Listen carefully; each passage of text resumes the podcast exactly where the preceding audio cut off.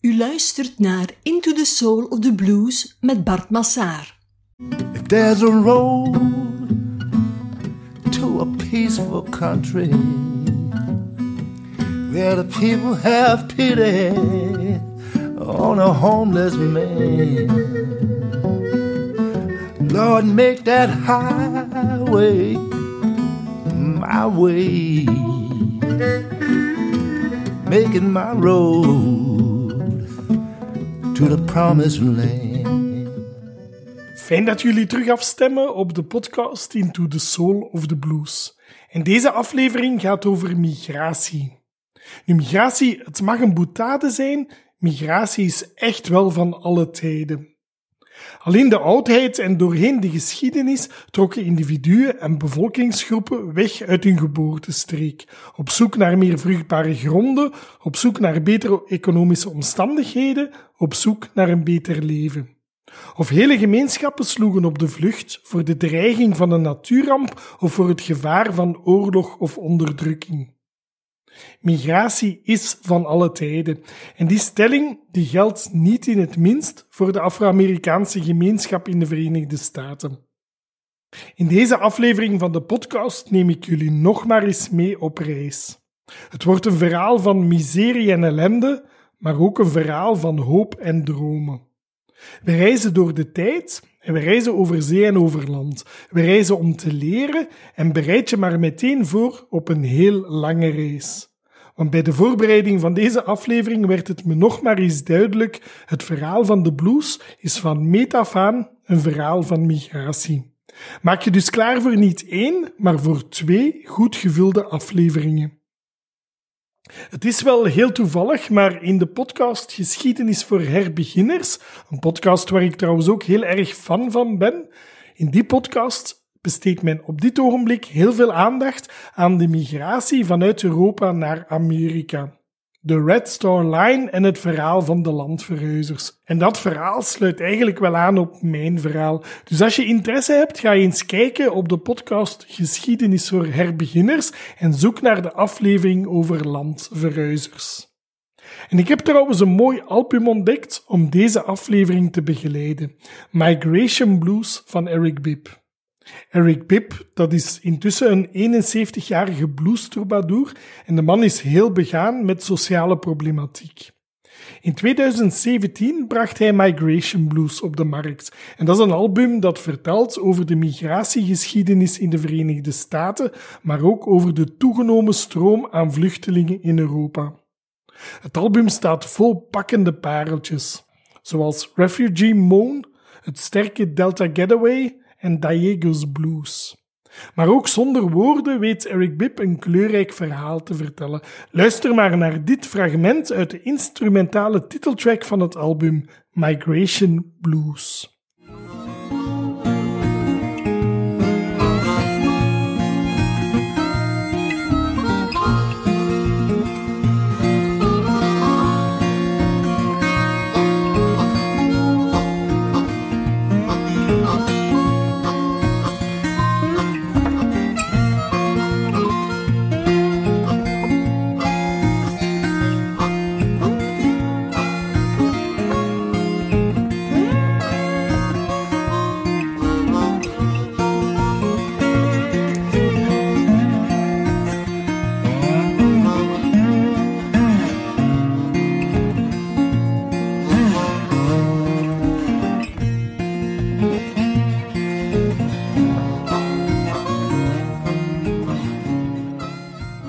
Deze reis begint voor één keer niet op de plantages in het zuiden van de Verenigde Staten in de Mississippi Delta en al evenmin in Afrika, het moedercontinent van de blues.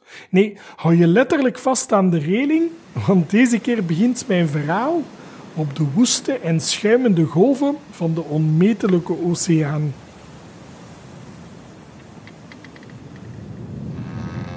Bevinden ons aan boord van een handelsschip uit de vroegmoderne tijd, ergens in de 17e eeuw. En we zijn op weg naar de nieuwe wereld. Nu, Christoffel Columbus die had in 1492 deze vaarroute uitgezet. Op zoek naar een alternatieve route naar Azië was hij westwaarts gevaren En na een lange tocht over de oceaan bereikte Columbus inderdaad een landmassa waarvan hij overtuigd was dat hij in Azië was aanbeland. Maar in werkelijkheid was hij belangen niet zo ver gevaren. Christoffel Columbus had een nieuw continent ontdekt, Amerika. Al is ontdekt een groot woord, want het continent bestond natuurlijk al lang en honderden jaren voordien hadden de vikingen er al voet aan wal gezet.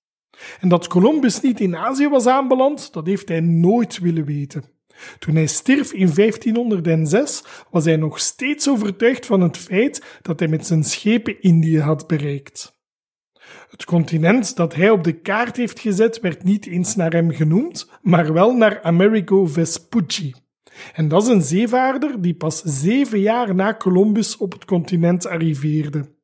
Maar die Americo Vespucci die besefte wel dat hij niet in Azië was terechtgekomen en daarom noemde Vespucci het continent Novus Mundus, de nieuwe wereld. En in het voetspoor van Columbus en Vespucci, of eerder in het schuimende kielzog van de zeevaarders, trok in de vroege 17e eeuw een golf van ontdekkingsreizigers naar de nieuwe wereld. Onverschrokken, baardig en wild bebaard, witte mannen uit Europa die de intentie hadden om dat nieuwe land te gaan koloniseren. Wel, mijn verhaal over migratie en de blues begint dus aan boord van de houten zeilschepen waarmee die mannen hun weg baanden door het wilde sop van de oceaan. Weken tot maanden werden de mannen blootgesteld aan weer en wind, aan nacht en ontij, aan streamende regen, beangstigende bliksems en woelige stormen, of zelfs aan natuurfenomenen die ze gewoon niet kenden, verschijnselen die ze voor spook hielden. Het leven voor de bemanning aan boord van de zeilboten was heel hard. Hard labeur, hard werken en om hun repetitieve en eindeloos durende handenarbeid te synchroniseren, werden liederen gezongen. Zeemansliederen.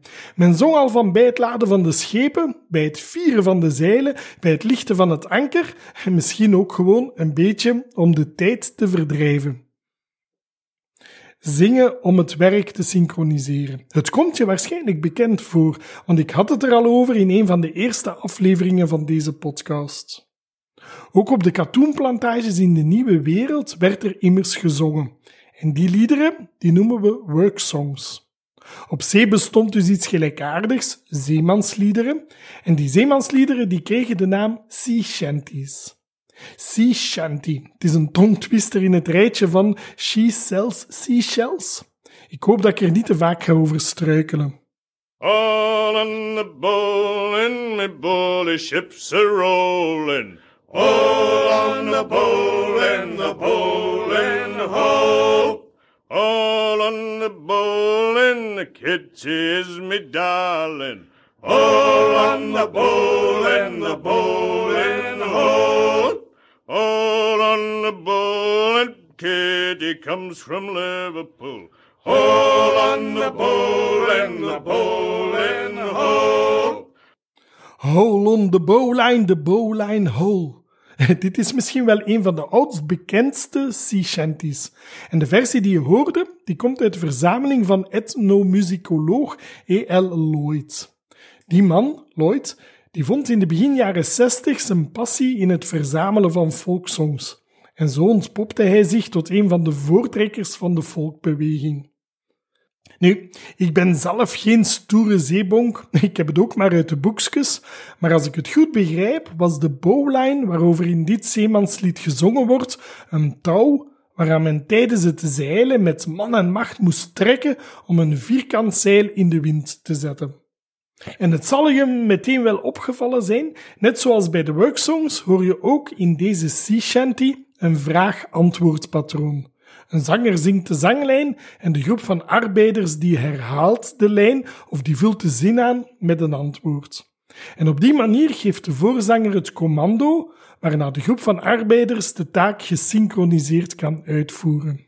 All on the bowling, it's a far cry payday. All on the bowling, the bowling ho. Hey, misschien vind je het een beetje bizar dat ik deze aflevering van een blues-podcast begin met een zeemanslied. Ja, ik kan erin komen. De sea die bestonden zelfs al van voor de kolonisten de wereldzeeën gingen bevaren. De oude Grieken bijvoorbeeld, die maakten gebruik van sea om het laden en lossen van hun schepen vlotter te laten verlopen. En ook in de 15e eeuw werden al sea beschreven. En zo gebeurde het dat toen de witte kolonisten het West-Afrikaanse continent binnentrokken om daar mensen weg te roven uit hun dorpen, om ze gevangen te nemen en te ontvoeren over zee naar het nieuwe continent, toen kwamen ook de Afrikanen in contact met de Europese zeemansliederen. Rond 1830 werden de sea trouwens heel erg populair. En dat is nu net de periode waarin Engelse, Schotse en Ierse zeemansliederen per schip de kusten van Indië en Amerika bereikten. En intussen werden er dus ook worksongs gezongen op het land, door de Afro-Amerikaanse mannen en vrouwen die daar aan het werk waren, eerst in slavernij, later onder het systeem van de sharecroppers.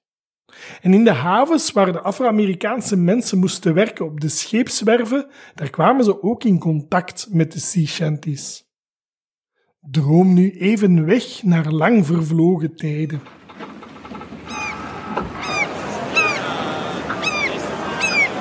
We bevinden ons op de kade van een drukke haven in Amerika. De zon brandt aan de hemel, het opstuivende zand prikt in de ogen. Een handelsschip is net aangemeerd, er is heel veel bedrijvigheid. Het is een houten schip dobberend op de deinende golven, met een loopplank verbonden met de kade.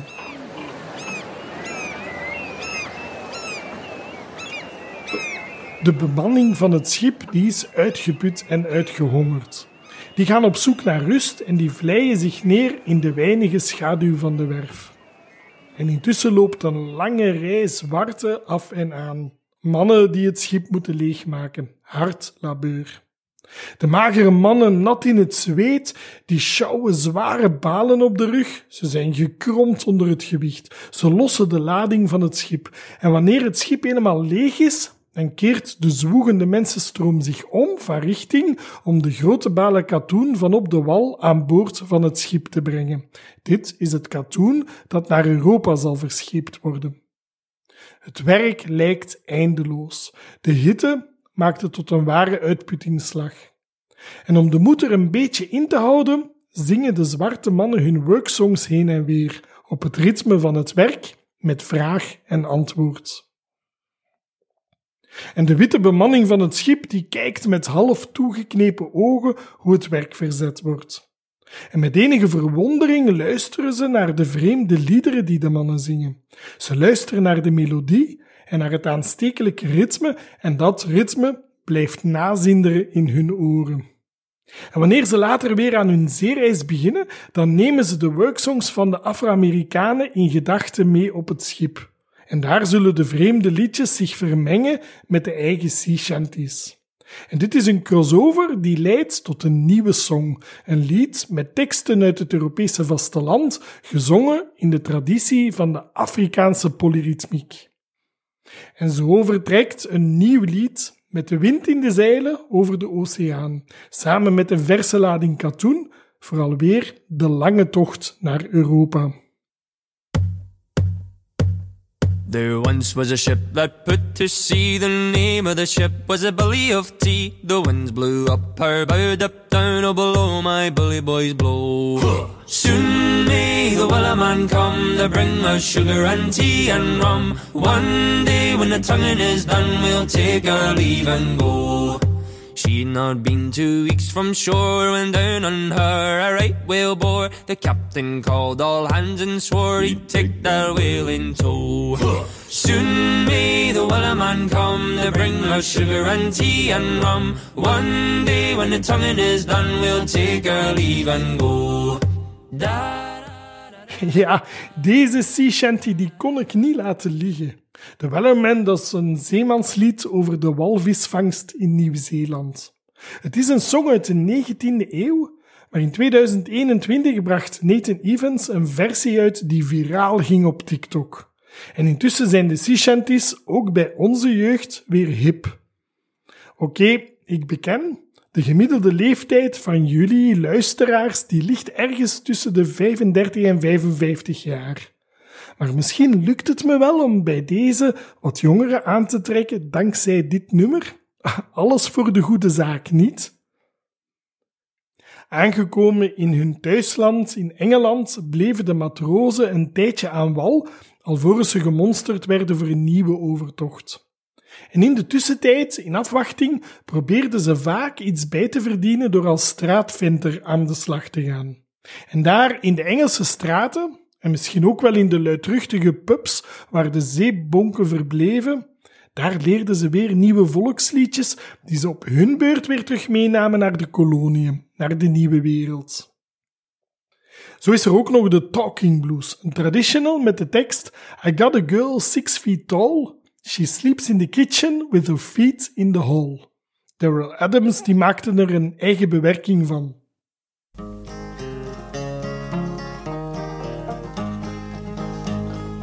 I got a gal six feet tall, sleeps in the kitchen with her feet in the hall, eating hog eyes, spitting out chitlin, just loves ice cream, especially with gravy.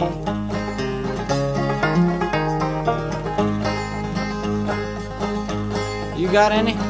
Nope. En ook deze woorden die zijn uit Groot-Brittannië afkomstig. Net als de frequent voorkomende zin If the river was whiskey and I was a duck. En die woorden die werden in 1967 heel mooi vertolkt door Sleepy John Estes in zijn Diving Duck Blues.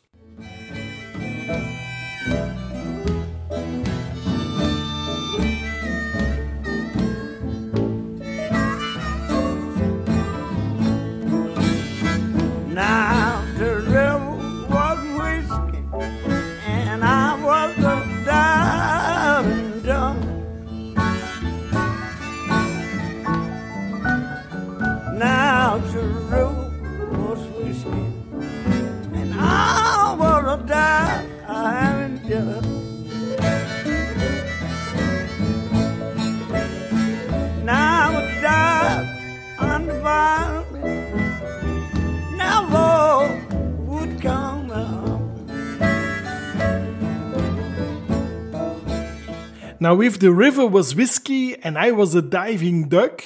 Now, if the river was whiskey and I was a diving duck, I would dive to the bottom and never come up. Ik denk dat mijn betoog hiermee duidelijk is. Er was een belangrijke uitwisseling tussen de Europese en de Afro-Amerikaanse cultuur. Je zou het misschien niet verwachten, maar een mooi voorbeeld van de crossover tussen de sea shanties en de blues, die vinden we in het blueslied See That My Grave Is Kept Clean. Jawel, ook voor mij was dat een verrassing. See That My Grave Is Kept Clean, je kent het wel, dat is het populaire nummer van Blind Lemon Jefferson uit 1927. En in dat nummer zingt Jefferson de volgende woorden. You may dig my grave with a silver spade. You may dig my grave with a silver spade. You may let me down with a golden chain. Oh, dig my grave with a silver spade. Well, dig my grave with a silver spade. Well, dig my grave with a silver spade. You may leave me down with a golden chain.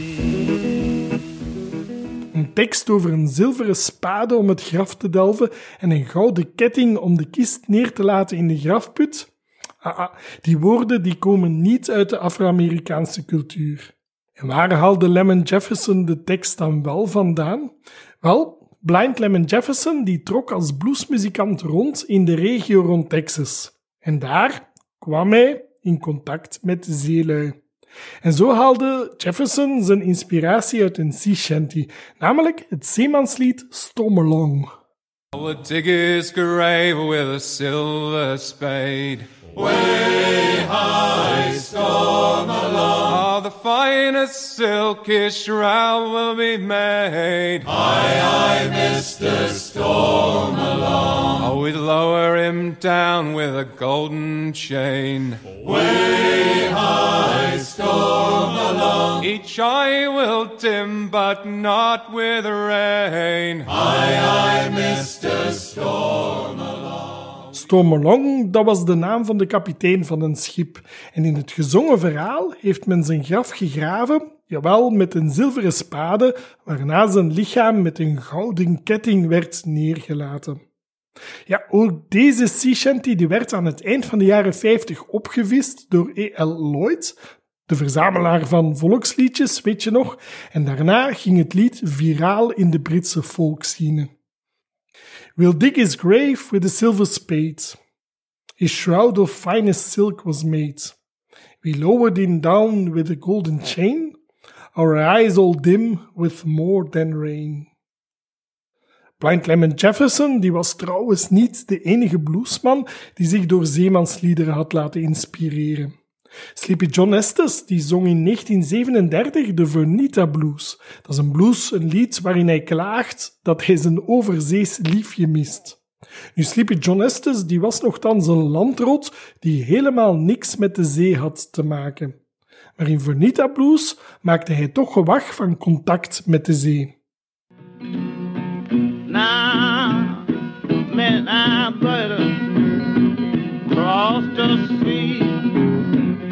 She didn't write no letter. She didn't care for me. I met I better oh,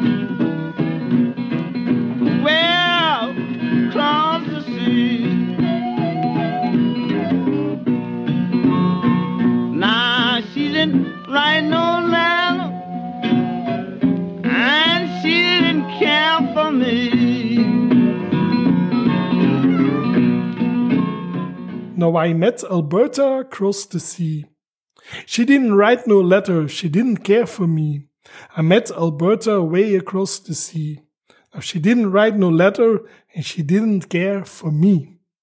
Fernita, couldn't anything I do to change your mind. Fernita, couldn't anything I do to change your mind. Now I come to love you if you would treat me nice and kind. Sleepy John Estes die lijkt trouwens zelf ook wel een beetje zeeziek, want hij vergist zich in de naam van zijn liefje. Eerst noemt hij Alberta en dan heet ze plots Vernita. Of had hij nog een ander meisje in zijn wilde gedachten? De sea hadden dus zeker hun invloed op de blues. Het woord shanty zelf is trouwens op zich ook een importproduct. Sommigen denken dat het afgeleid werd van het Franse werkwoord chanter, maar meer waarschijnlijk is het woord afkomstig uit de West-Indies. Dat is een eilandengroep ten westen van de Verenigde Staten. En in die regio werd het woord shanty gebruikt voor de hutten aan de kust. En bij het begin van het orkaanseizoen werden de hutten verplaatst naar het binnenland. En dat deed men door ze op grote rollen te plaatsen, waarna de vracht met mankracht over het land werd geduwd. En je kan het vermoedelijk al raden, het verrollen van de zware hutten gebeurde op geleide van de shantyman, een voorzanger die het ritme aangaf. Worksongs. En bluesmuzikant Henry Thomas, die kende ook goed de weg naar de shanties. Henry Thomas die werkte als spoorwegarbeider in Texas. En tussen 1927 en 1929 maakte hij opnames voor Vocalion Records. En dit is zijn Shanty Blues. Make it to my shiny if I can. If I can, if I can. I'll make it to my shiny if I can. Yes, I shoot my shot. I fell on number four. I'll make it to my shiny if I can.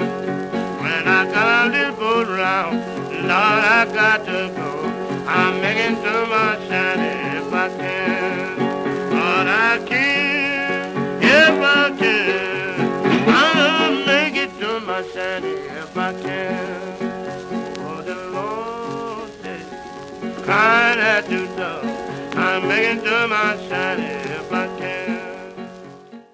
De zuidelijke staten die we met de blues associëren, die hadden bijna allemaal een kustlijn. Dus er was zeker contact met de zeemansliederen.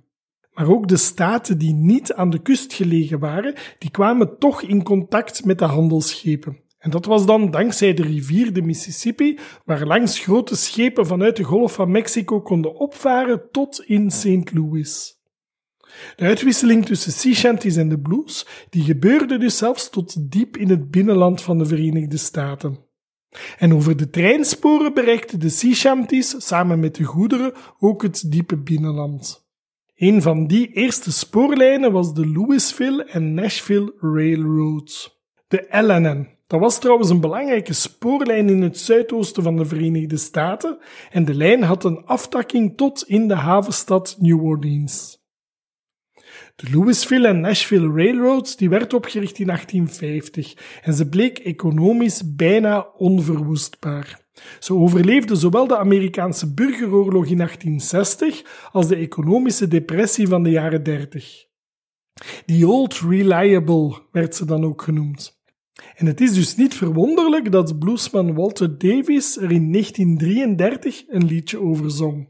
Hij zong het met heldere stem, terwijl hij zichzelf begeleidde met een koppig stukje piano. En in die individuele twist hoor je de geest van bluespianist Leroy Carr weer klinken. The LNN is a fast train, also that I INC.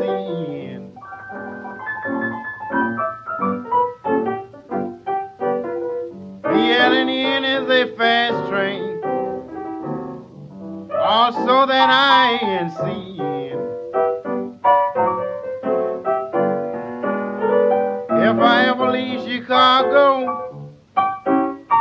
gonna ride that sunshine special again.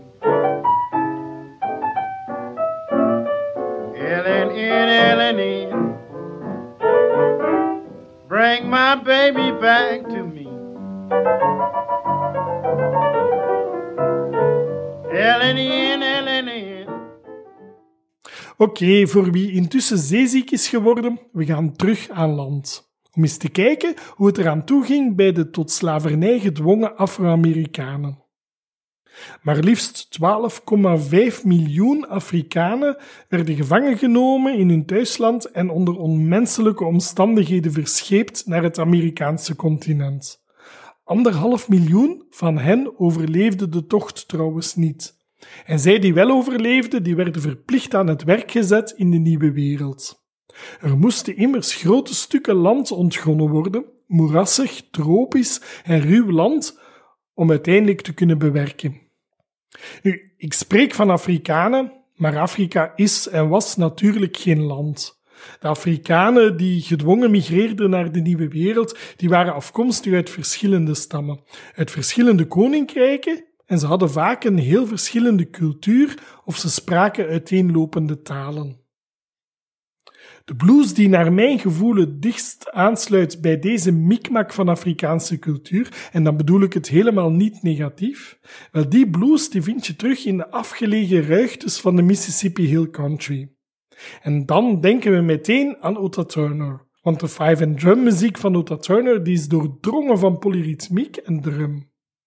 Otta Turner die werkte zijn hele leven als landbouwer in de ruwe regio rondkomen in de noordelijke Mississippi Hill Country. Maar over die five and drum traditie heb ik vroeger al verteld.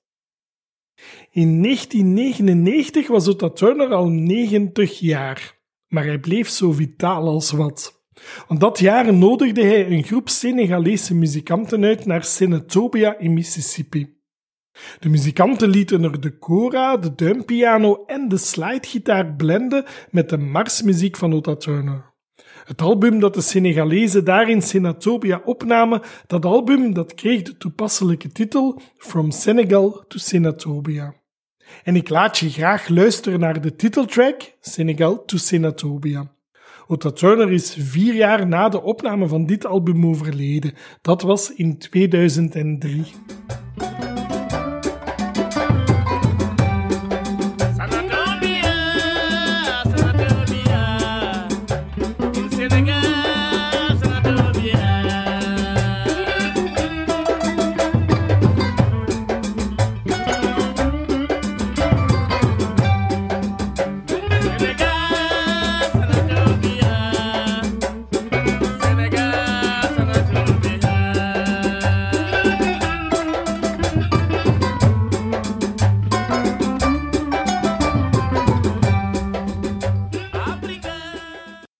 Eens vastgeketend aan de plantages was er voor de slaven geen ontsnappen meer aan.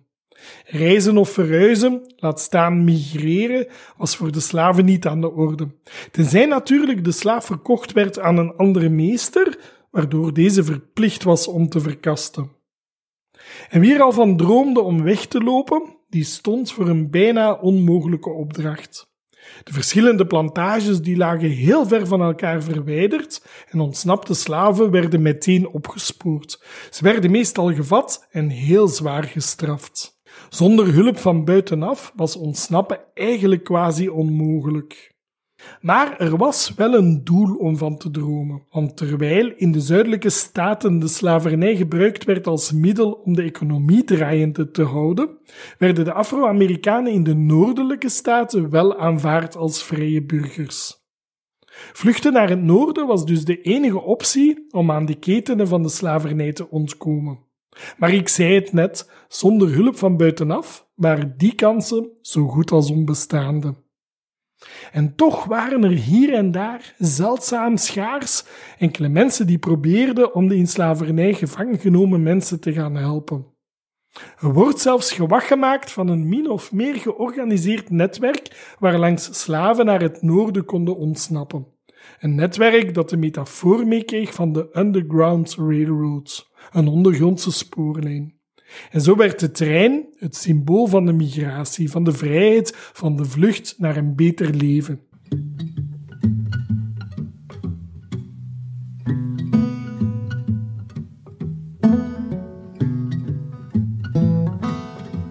If there's a train that will take me there, take me where I can live in peace. Oh Lord, take me on board. Don't leave me here. Let me ride that train.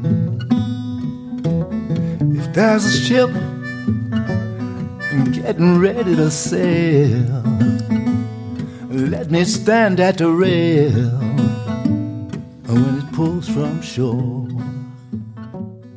If there's a train that will take me there, take me where I can live in peace. O Lord, take me on board. Don't leave me here. Let me ride that train. Dat is een fragment uit de Refugee Moon uit het album Migration Blues van Eric Bibb. Maar toch blijft de vraag in hoeverre dit ondergrondse netwerk, die Underground Railroad, echt heeft bestaan. Want volgens sommigen is het allemaal niet meer dan een geromantiseerde legende. Een legende die pas ontstond aan het eind van de 19e eeuw. Het was trouwens niet eenvoudig om aan slaven instructies door te geven rond een eventuele vluchtroute of over een plek waar ze konden aankloppen voor voedsel en kledij, een zogenaamde safe house. Slaven konden immers niet lezen of schrijven. Dat was verboden door de witte overheerser. Maar er wordt verteld dat die instructies werden doorgegeven door middel van metaforen in de liedjes. En het meest bekende voorbeeld daarvan is het lied Follow the Drinking Gourd. Een drinking gourd is een kalebas waar men water uit dronk, en het nummer lijkt dus op het eerste zicht weinig te verbergen. Maar de drinking gourd die staat ook symbool voor de grote beer, het sterrenbeeld dat naar het noorden wijst. Men denkt dus dat de slaven via de zin Follow the Drinking Gourd de boodschap kregen om te vluchten in de richting van de grote beer, naar het noorden dus, naar de vrije staten. Die legende die begint bij een man met de naam Peckleg Joe. Peckleg Joe was een arbeider die van plantage naar plantage trok om daar gespecialiseerde klusjes op te knappen. Maar in werkelijkheid zou de man lid zijn geweest van de Underground Railroad. En hij verspreidde zijn boodschap over een mogelijke ontsnappingsroute door tijdens zijn werk overal het lied Follow the Drinking Gourd te zingen. Het is best wel leuk om de tekst van dat nummer, Follow the Drinking Gourd, eens te analyseren.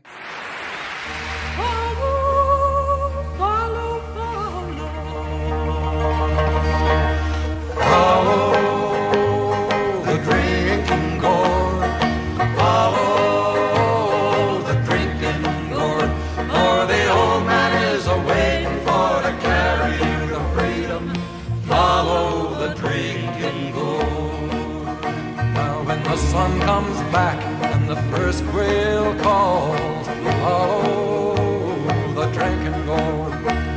The old man is a waiting for to carry you to freedom. The drinking.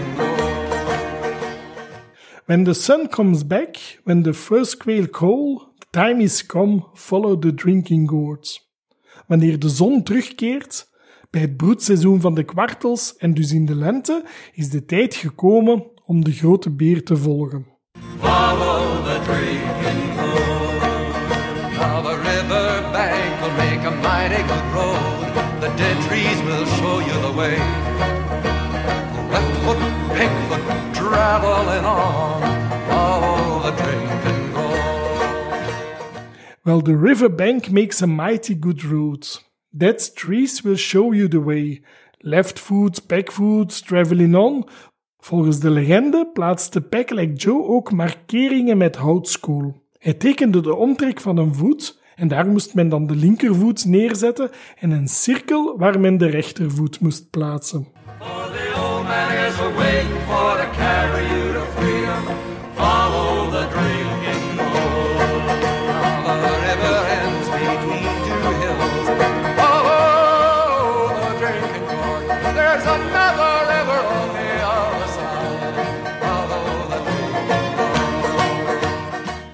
Well, the river ends between two hills. Follow the drinking gourds.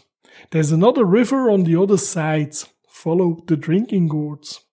De eerste rivier waarover men zingt is de Tombigbee River. En waar de Tombigbee River eindigt, daar vind je twee bergen die op elkaar lijken. Achter die twee bergen loopt dan weer de Tennessee River en die brengt de vluchteling op weg naar Kentucky.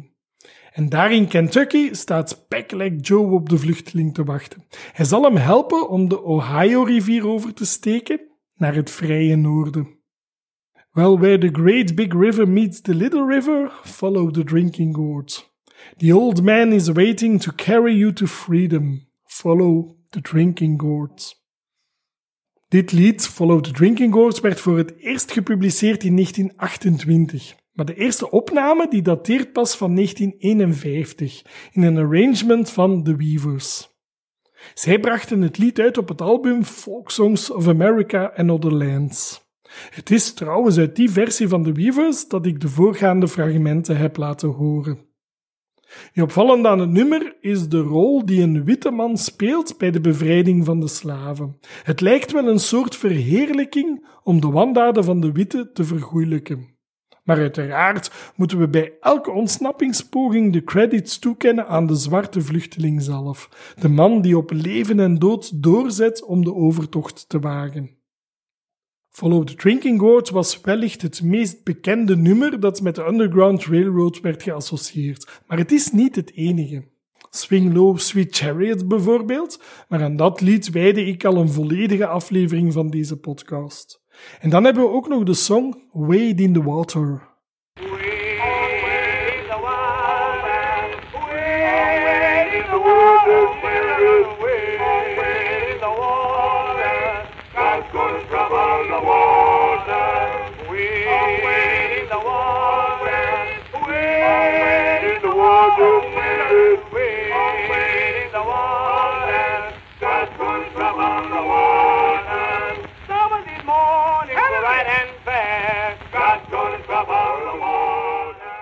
Met deze spiritual keren we terug naar 1849. Harriet Tubman was een slavin die wel wist te ontsnappen. Ze kwam aan in Philadelphia en ze was vrij. Maar ze wou meer. Ze keerde vrijwel onmiddellijk terug naar het zuiden om ook haar familie te bevrijden.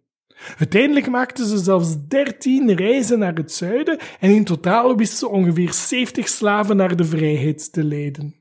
En bij al die reizen, tijdens al die gevaarlijke ontsnappingsmanoeuvres, had ze één ding duidelijk begrepen. De speurhonden, die werden ingezet om ontsnapte slaven op te sporen, die waren heel agressief en gevaarlijk. En om aan de sterke geurzin van de honden te ontsnappen, liet Harriet Tubman de vluchtelingen waden door het water van beken en grachten. Bovendien liet ze op die manier ook geen voetsporen achter.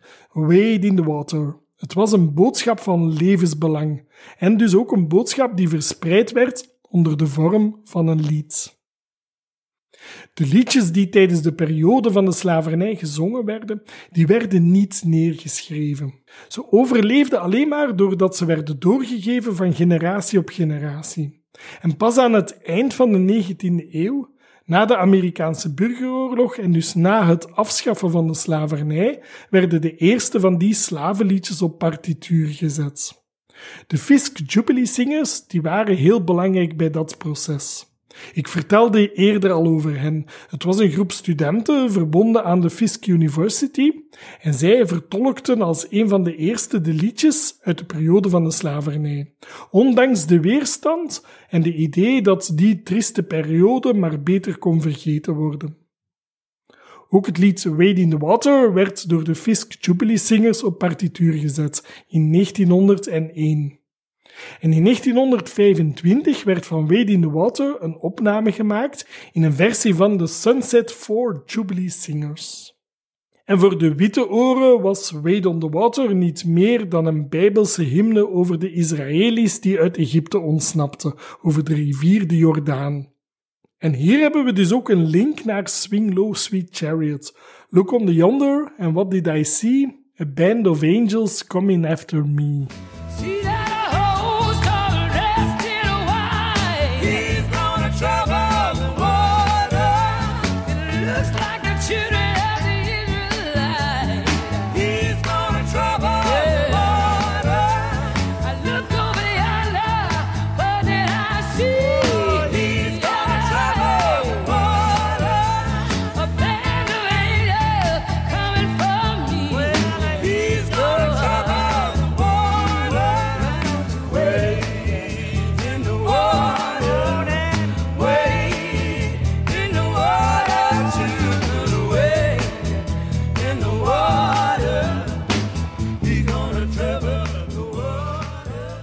Je hoorde de Staple Singers met een versie van Wade in the Water uit 1965.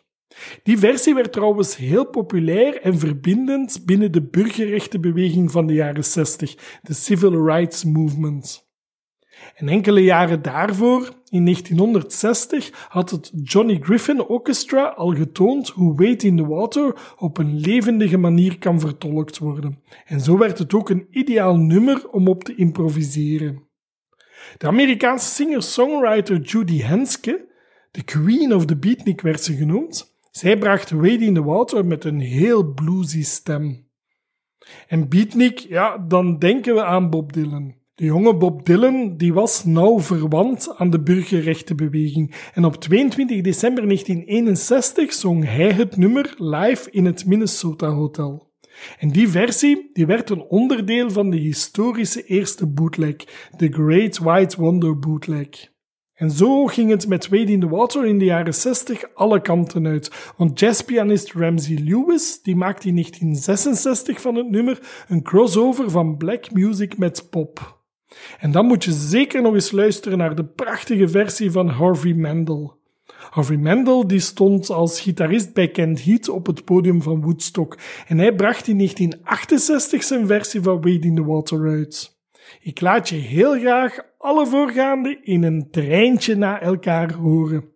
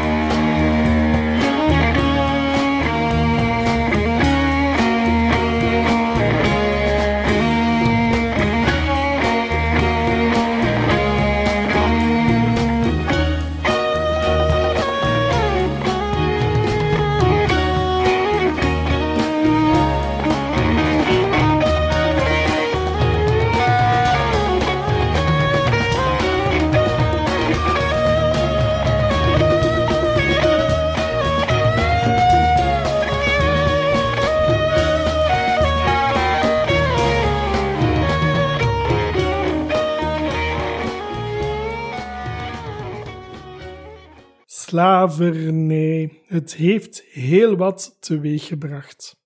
Het voortbestaan van de slavernij was zelfs de inzet van het grootste conflict dat Amerika ooit op eigen bodem heeft doorstaan, de Amerikaanse burgeroorlog.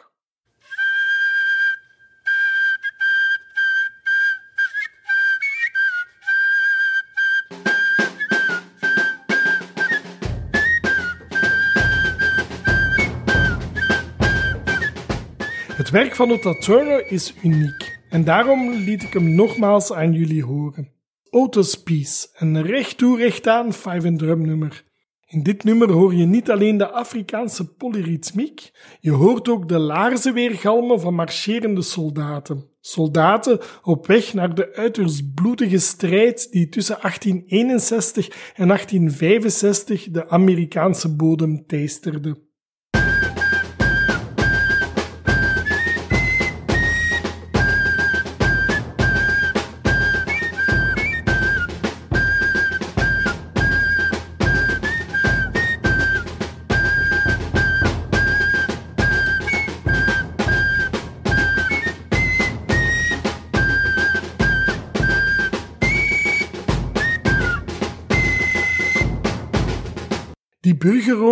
Die was dus uitgebroken nadat de zuidelijke staten zich hadden losgescheurd van het noorden.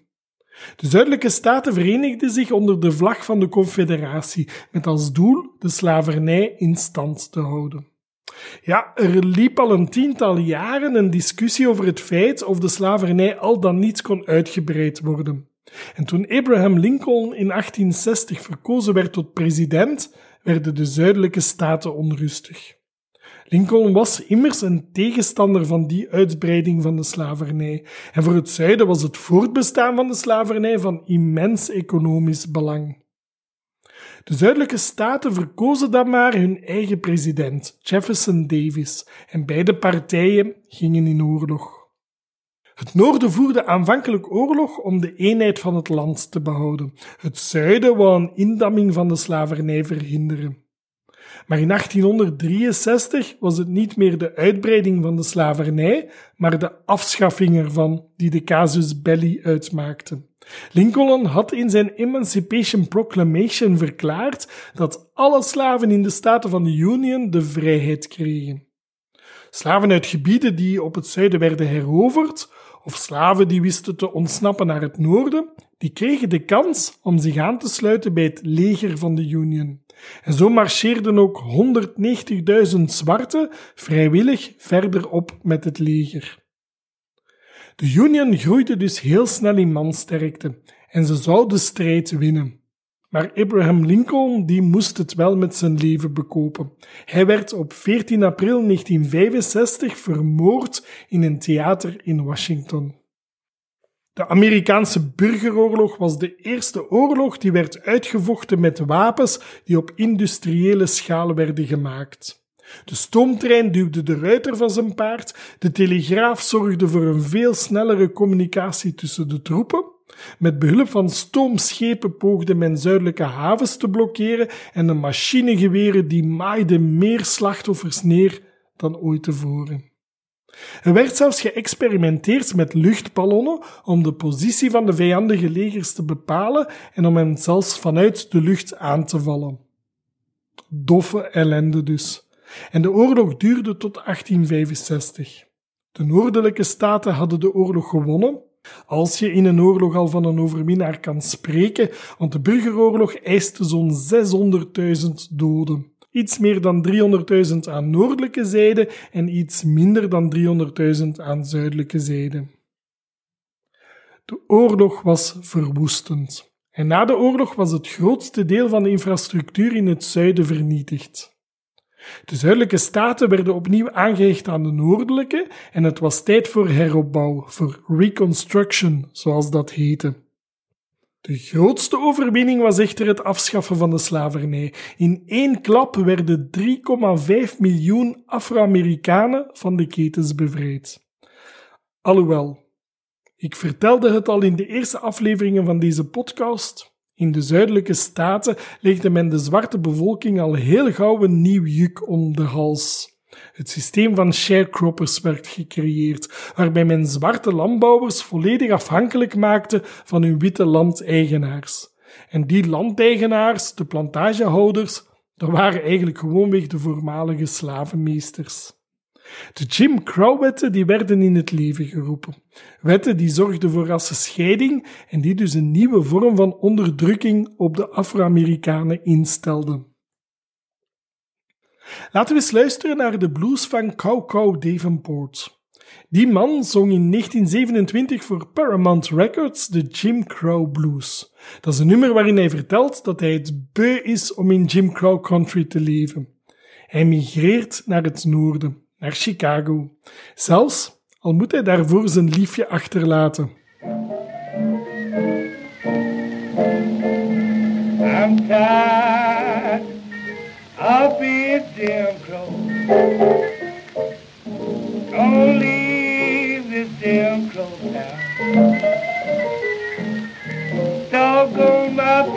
of.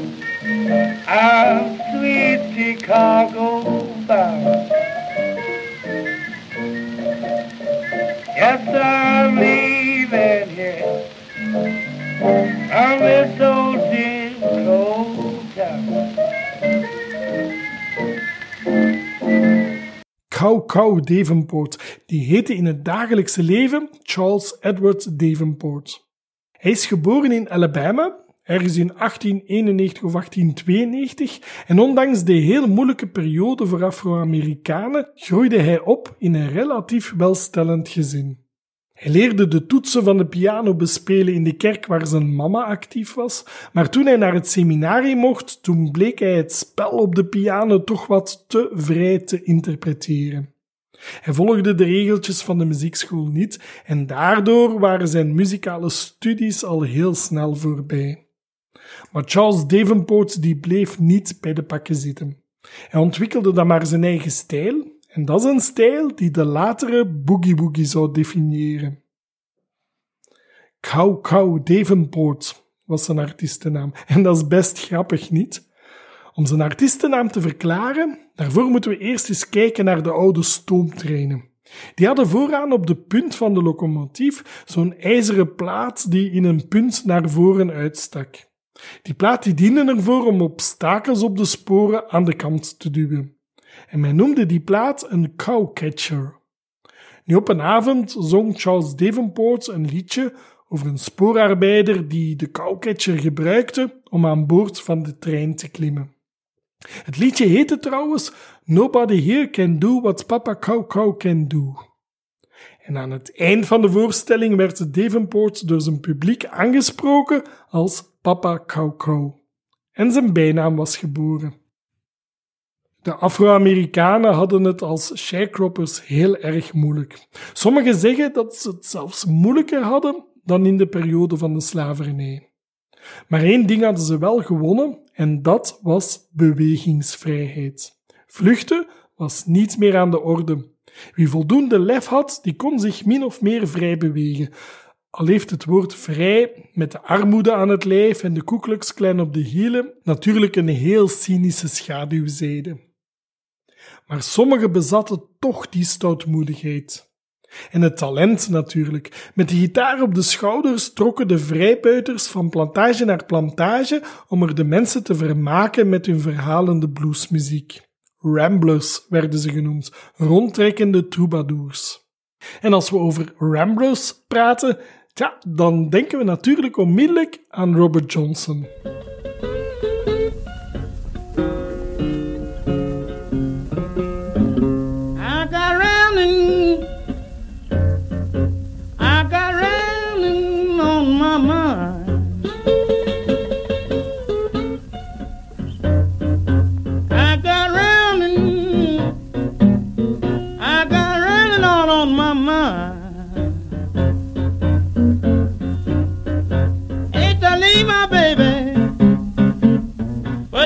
Treat me so unkind. I got rambling on my mind. I hate to leave my baby, but she treats me so unkind. Dat was 1937. En Robert Johnson die maakte zich zorgen. Hij vlucht weg van zijn liefje, want hij wordt door haar onheus behandeld. Tja, Robert Johnson die had wel meerdere redenen om te vluchten van de vrouwen. Zijn eerste partner die overleed op het kraambed, samen met hun eerste kind. En de schuld van die sterfte werd papa Robert in zijn schoenen geschoven. Het kon ook niet anders, want wie de blues zingt, die haalt zich de duivel op de hals. Robert Johnson die dwaalde dan verder van dorp tot dorp. Hij scharrelde er met jonge vrouwen voor het plezier en met oudere vrouwen voor kost en inwoon. En zo werd hij wel eens nagezeten door een jaloerse echtgenoot, opgejaagd en vol zorgen. Het ramblen werd een metafoor voor de rusteloosheid die de bluesman ervaart, en bij Robert Johnson kostte het hem zelfs zijn leven. Want volgens de geruchten overleed hij in 1938 nadat een jaloerse echtgenoot hem vergiftigde whisky had geschonken. Maar dat duivelse verhaal, dat vertelde ik al in de aflevering over de Mississippi Delta Blues. Robert Johnson was natuurlijk niet de enige rambler. Ook bij Lonnie Johnson stond het ramblen op zijn lijf geschreven. In Roman Rambler Blues uit 1927 zong hij de woorden My mama named me Rambler. I'll tell you why I was told. My mama named me Rambler. I'll tell you why I was told. Because I started to rambling when I was only two years old. My mammy named me Rambler. I'll tell you why I was told. My mammy named me Rambler. I'll tell you why I was told. Because I started to rambling when I was only two years old. En Dickie Betts, de gitarist van de Allman Brothers, die deelde in Lonnie Johnsons rusteloosheid. In 1973 zong hij de grootste hit van de Allman Brothers, Ramblin' Man.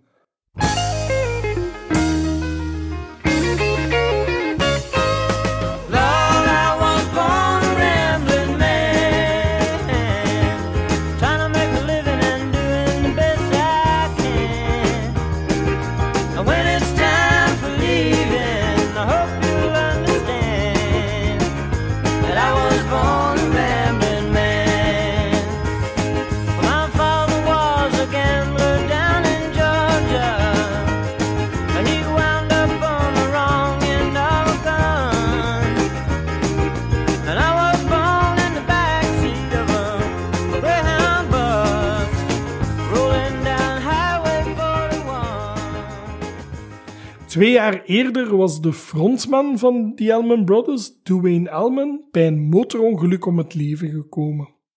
De band besloot om voor het vierde studioalbum Dickie Betts in te schakelen als vervanger van Dwayne. Met hem bewezen de Allman Brothers dat ze ook zonder Dwayne Allman stand hielden. En voor de horrorliefhebbers wist je trouwens dat een fragment uit Ramblin' Man gebruikt werd in de film The Exorcist? De zorgen en de horror bleven die Allman Brothers trouwens achtervolgen, want kort na het uitbrengen van Ramblin' Man overleed ook bassist Barry Oakley. De Ramblin' Man van de Allman Brothers was trouwens gebaseerd op de Ramblin' Man van Hank Williams. En jawel, dit is een country liedje. I can settle down and be doing just fine till I hear old freight rolling down the line. Then I hurry straight home and pack, and if I didn't go, I believe I'd blow my stack. I love you, baby, but you gotta understand when the Lord made me, He made a man. Misschien was de country-invloed wel de reden waarom de Bluesy Allman Brothers niet meteen happig waren om het nummer op plaat te zetten. Tja, ook de cowboys waren trouwens heel rusteloze jongens. I can settle down and be doing just fine, till I hear an old train rolling down the line. Then I hurry straight home and pack, and if I didn't go, I believe I'd blow my stack. I love you, baby, but you gotta understand. When the Lord made me, he made me a rambling man. Hier horen we trouwens de trein nog eens weer galmen. De trein, dat was natuurlijk een uitgelezen middel om rond te trekken en te ramblen.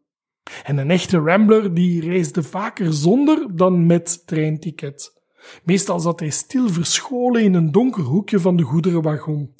Tja, op sommige plaatsen reden de treinen dan ook zo traag dat de zwervers zonder enige moeite en zonder enig gevaar aan boord konden springen. Alhoewel, zonder gevaar, het is misschien een beetje relatief. Want af en toe kwam er wel eens iemand met zijn voet onder de treinwielen terecht, of er raakte een verstekeling gekneld tussen twee treinwagons. En in de treinen was uiteraard geen verwarming, dus in de winter kon dat ook wel eens tegenvallen. Die illegale treinreizigers die werden hobo's genoemd. En die term die brengt ons bij Johnny Hooker, de meester van de talking blues, want hij bracht in 1948 de hobo blues uit.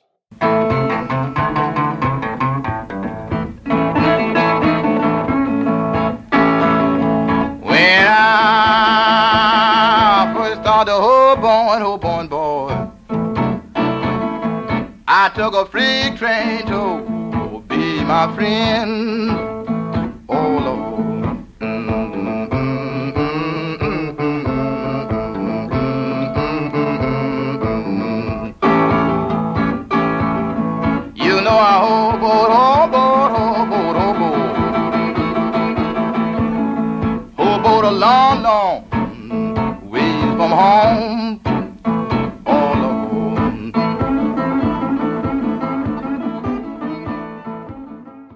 Treinen werden natuurlijk nauwlettend in de gaten gehouden om illegale verstekelingen, hobo's te onderscheppen.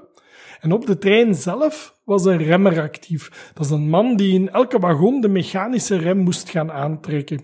En die remmer die controleerde tijdens het uitvoeren van zijn taak ook of er niemand ongewenst aan boord was. En in de stations waren er mannen aangeduid om illegale zwervers tegen te houden.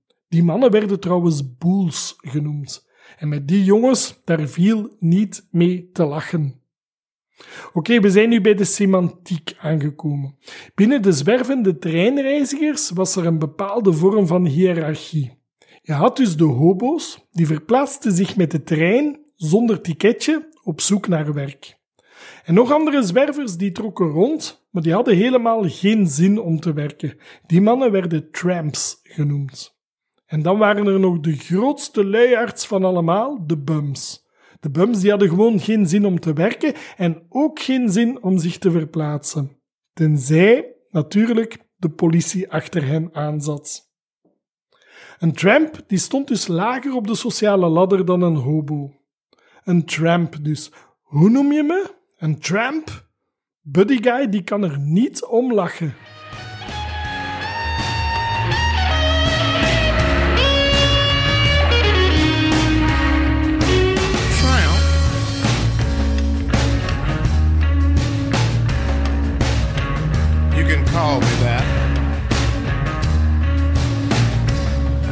That make you feel good. Cause I'm a lover. Uh.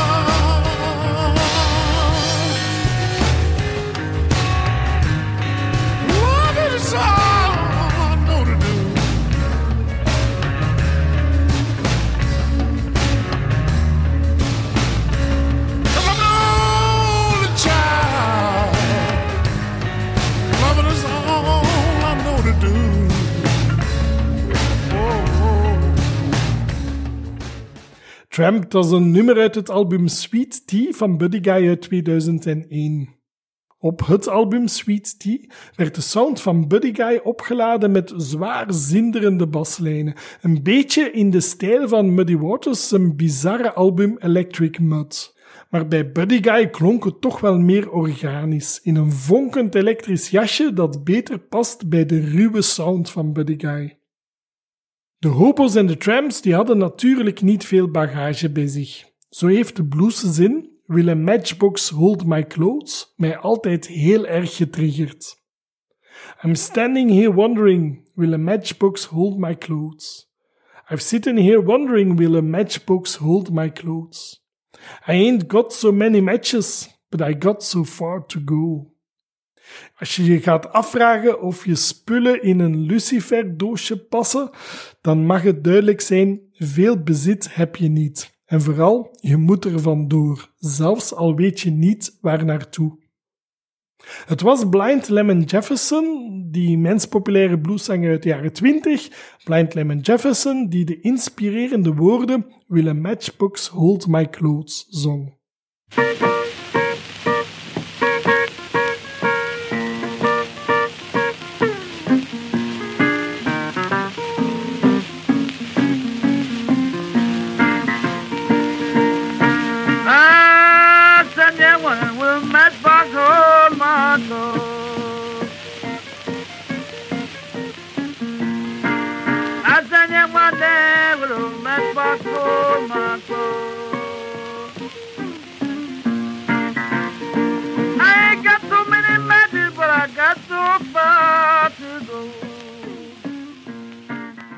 Matchbox Blues was de ommezijde van Black Snake Moon en over dat nummer van Lemon Jefferson heb ik vroeger al verteld.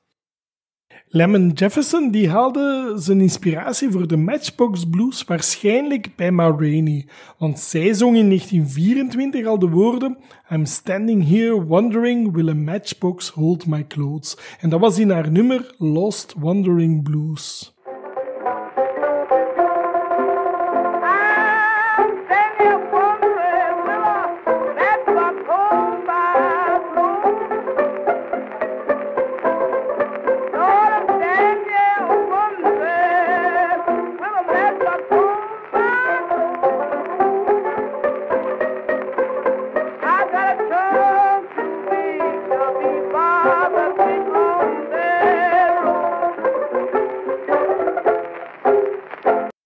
1934 maakte de witte man Larry Hensley een bijna noot voor noot kopij van de Matchbox Blues. En in 1956 had Carl Perkins een kleine hit met het nummer. En toen in 1964 de Beatles hoorden over het Lucifer-doosje, besloten ze om het ook zelf uit te brengen. Met Carl Perkins als sessiemuzikant op een boogie bass. En zo krijgen we dus een mini-overzichtje van de popgeschiedenis. Blues die mengt met pop, de rock en roll krijgt gedaante en met een Brits sausje komen we tot stevige pop-rock. En met die versie veroverde de Britse supergroep opnieuw Amerika. Voilà, we sluiten ons even aan bij de hobo's. We kruipen illegaal op de trein, want hier komt een treintje.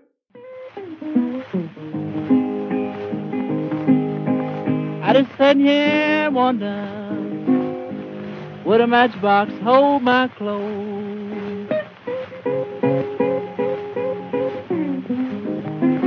I just sat here wondering the matchbox hold my clothes?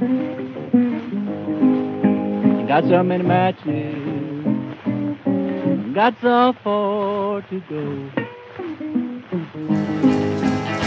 Well, I'm sitting here wondering, my clothes. Yeah, I'm sitting here wondering, my clothes? I ain't got no matches, but I got a long way to go.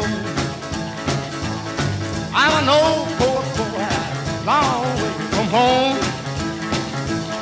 I'm an old poor boy, long way from home.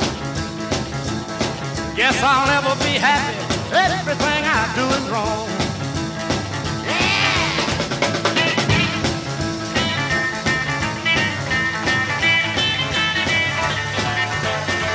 Well, let me be your little dog till your big dog comes. Let me be your little dog till your big dog comes. And when your big dog gets here, watch your puppy dog runs.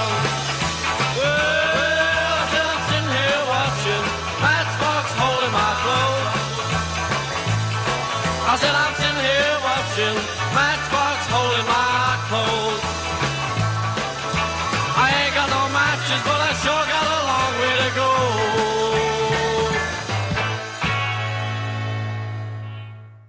In de vroege jaren 40 zat ook Billie Holiday met een gelijkaardig probleem. Haar partner had een luciferdoosje op haar kleren gelegd.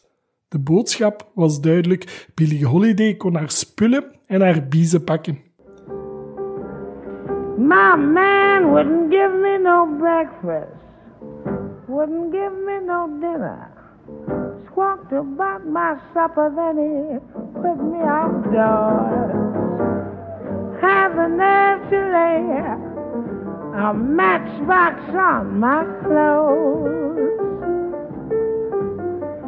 I didn't have so many, but I had a long, long ways to go. Dat was Billie Holiday, die net als Blind Lemon Jefferson wikt en weegt of haar spullen in een lucifersdoosje zouden passen. Zou ze dan echt haar man verlaten om ook een leven als hobo te gaan leiden? Er wordt verteld dat hobo's met elkaar communiceerden door middel van gebaren en symbolen. Zo lieten ze bijvoorbeeld graveringen achter om elkaar te waarschuwen. Een horizontale zigzaglijn betekende dat er ergens een wakende hond rondliep. Zag je het symbool van een driehoek met twee handjes, dan kon je maar beter voorzichtig zijn, want de eigenaar van het land waar je rondhing, die had een geweer. En bij een tekening van een poes mocht je op je gemak zijn. Hier woonde een heel lieve dame. Het klinkt allemaal mythisch en romantisch en avontuurlijk, maar wat ik net verteld heb is intussen eigenlijk al achterhaald. De hobo's die communiceerden helemaal niet via symbolen. Die verhalen die behoren blijkbaar tot de geromantiseerde versie van het harde zwerversleven. In de ogen van de witte man was een zwarte die vlucht voor het werk een luiaard, een onderkuiper. Maar in de ogen van de zwarte was diezelfde hobo een held, omdat hij niet plooide voor de autoriteit van de witte. En ja, voor wie nog steeds neerkijkt op de hobocultuur, er bestond onder die mannen een ethische code. Leef vrij, maar zorg dat je niemand schade toebrengt. Probeer af en toe een beetje te werken, zoek baantjes die niemand wil, en als er geen werk is, zet dan je creativiteit aan het werk. Is dat niet mooi? De oorsprong van het woord hobo is niet helemaal duidelijk. Misschien was het gewoon een afgeleide van de groet ho boy, of een verkorting van homeless boy. Al na de Amerikaanse burgeroorlog doken er hobo's op in de treinen. De eerste hobo's dat waren vaak soldaten die na de oorlog per trein hun weg naar huis zochten. Maar het zal je niet verbazen dat het aantal hobo's toenam, vooral tijdens de economische depressie.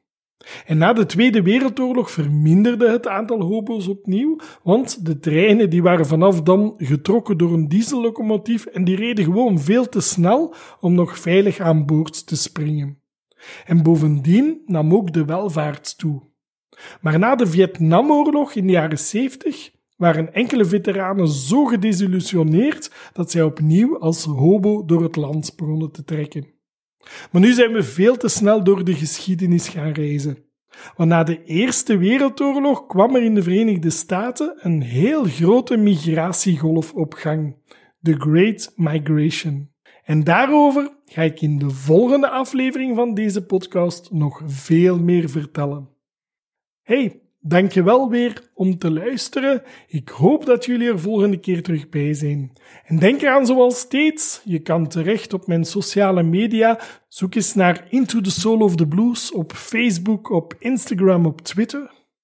Ik heb ook een blogpagina souloftheblues.be en een artiestenpagina nasara.be.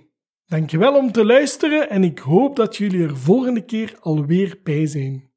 Dag! Dit was een aflevering van Into the Soul of the Blues met Bart Massaar.